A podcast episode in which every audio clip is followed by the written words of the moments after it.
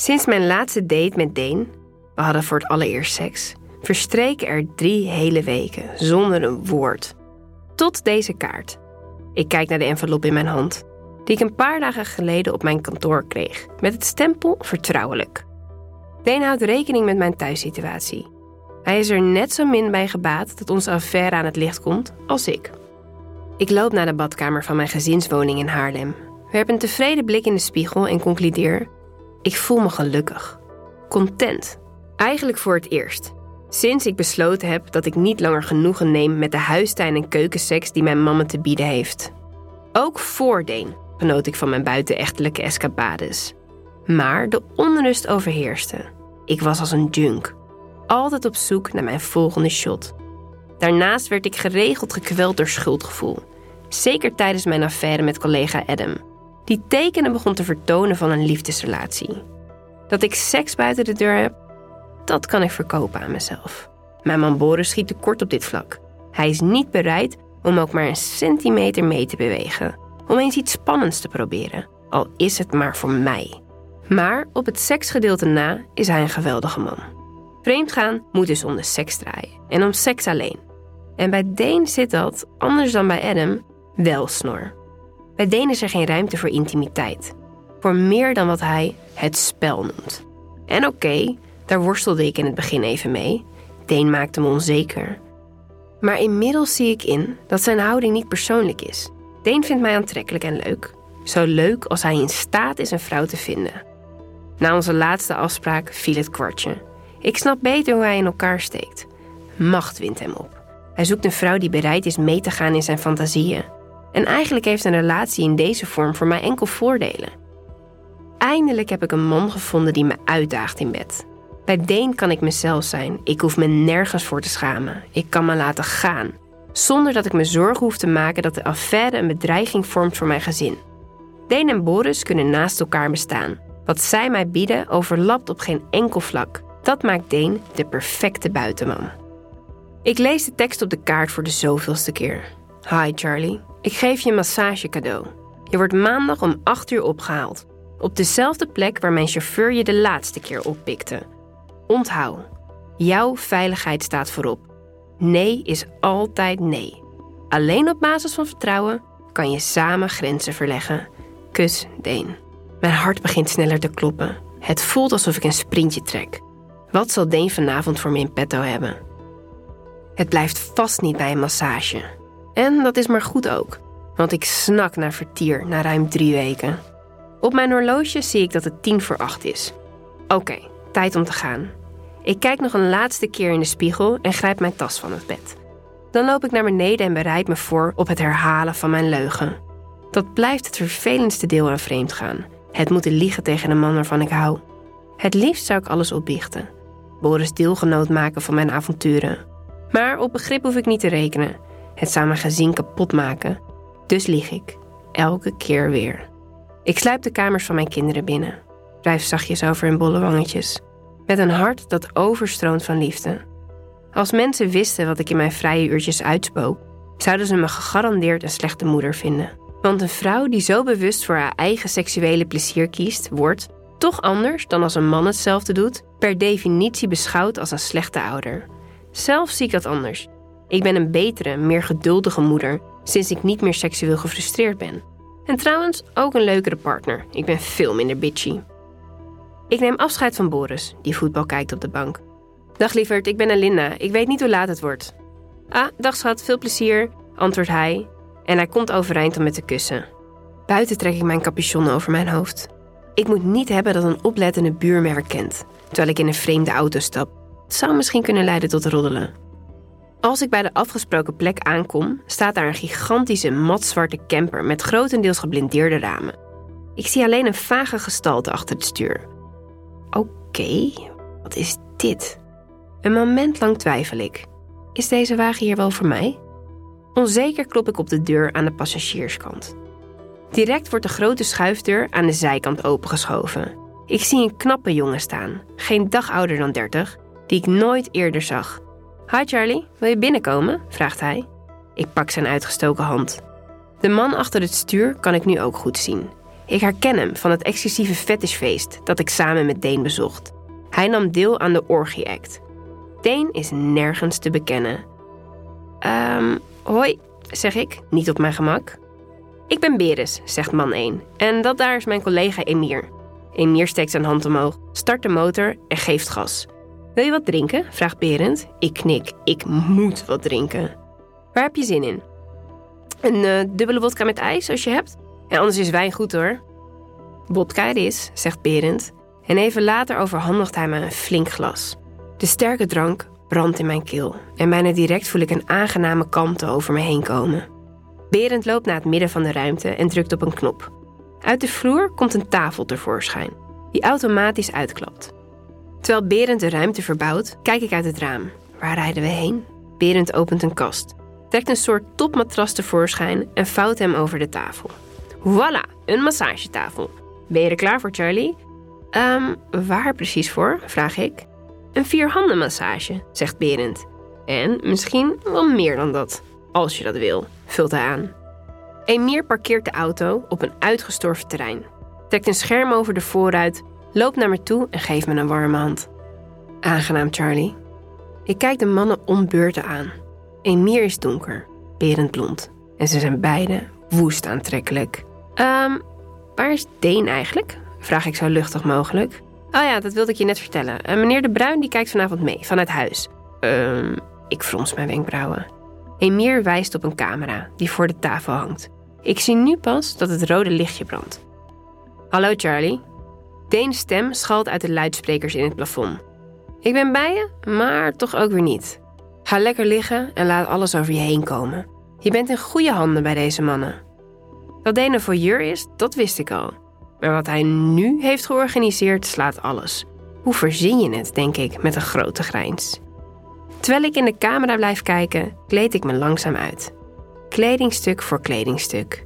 Het idee dat Deen mijn bewegingen op de voet volgt, wint me op. In alleen een string ga ik op mijn buik op de massagetafel liggen, met mijn hoofd in het speciaal hiervoor bedoelde gat. Emir legt een dikke handdoek over mijn onderlijf. Ontspan maar lekker, Charlie, zegt hij op kalmerende toon. En in perfecte symmetrie beginnen de mannen aan een rugmassage. Emir staat links van me, berend recht. Ik zucht eens diep. Nou, beter dan dit wordt het leven niet. Of misschien toch wel, concludeer ik twintig minuten later. Emir en Berend masseren elk een been. Steeds opnieuw glijden ze met hun sterke handen rakelings langs mijn vulva. Ik duw mijn billen een beetje omhoog, in de hoop dat de massage in rap tempo erotisch wordt. Maar de mannen hebben geen haast. Mijn billen worden uitgebreid onder handen genomen en mijn zin in meer wordt steeds ondraaglijker. Eén van twee spuit een nieuwe lading warme olie op mijn kont. En dan gebeurt voor het eerst iets dat bij een normale massage absoluut niet op het menu staat.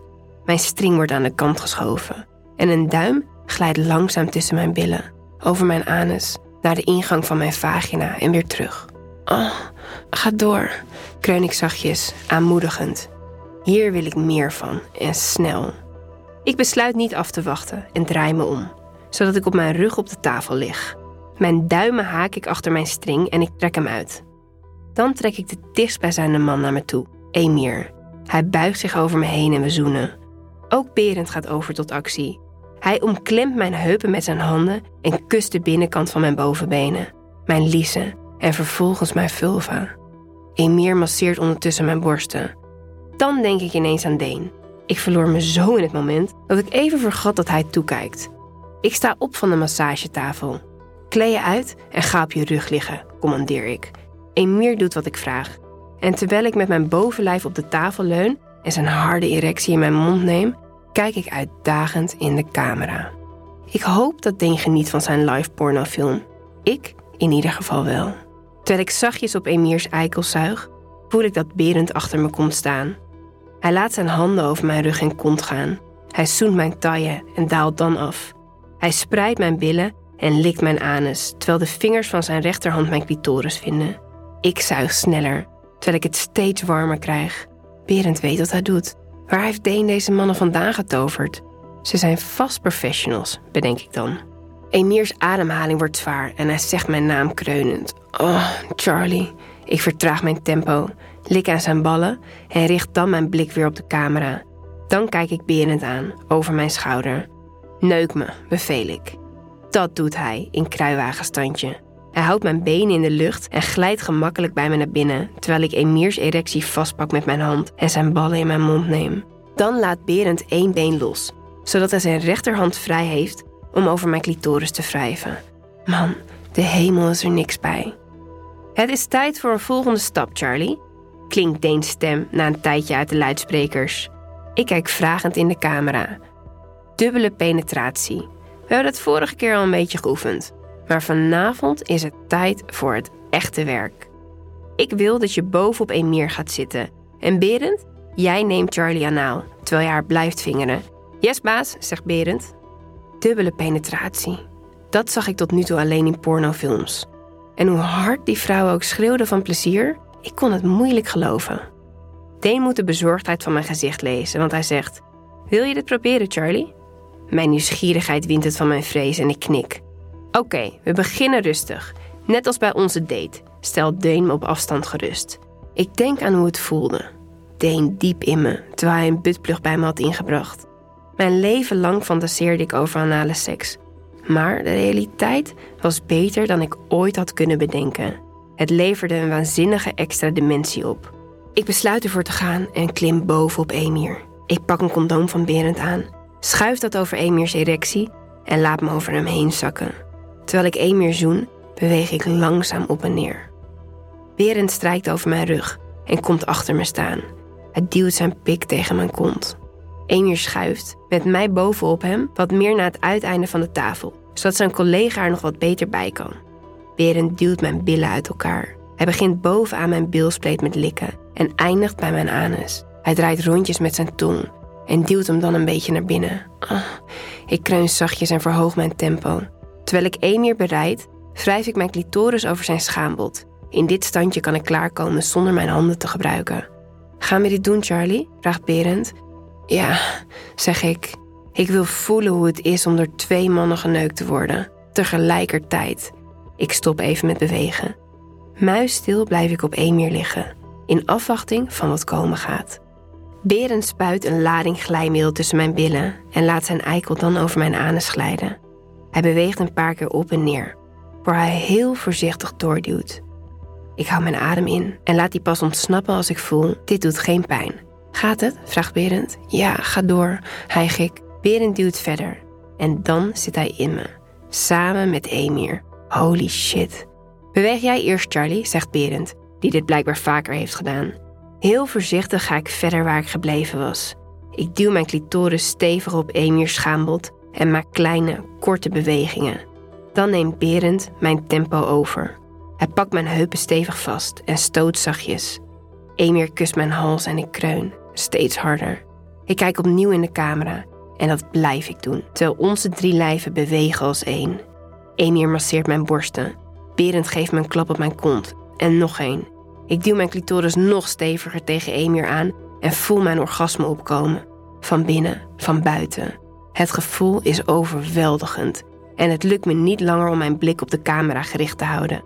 Ik verstop mijn hoofd in Emirs hals, terwijl ik mijn tempo verhoog. Berend volgt mijn voorbeeld. Kijk me aan als je klaarkomt, Charlie, klinkt Deens stem dwingend uit de speakers.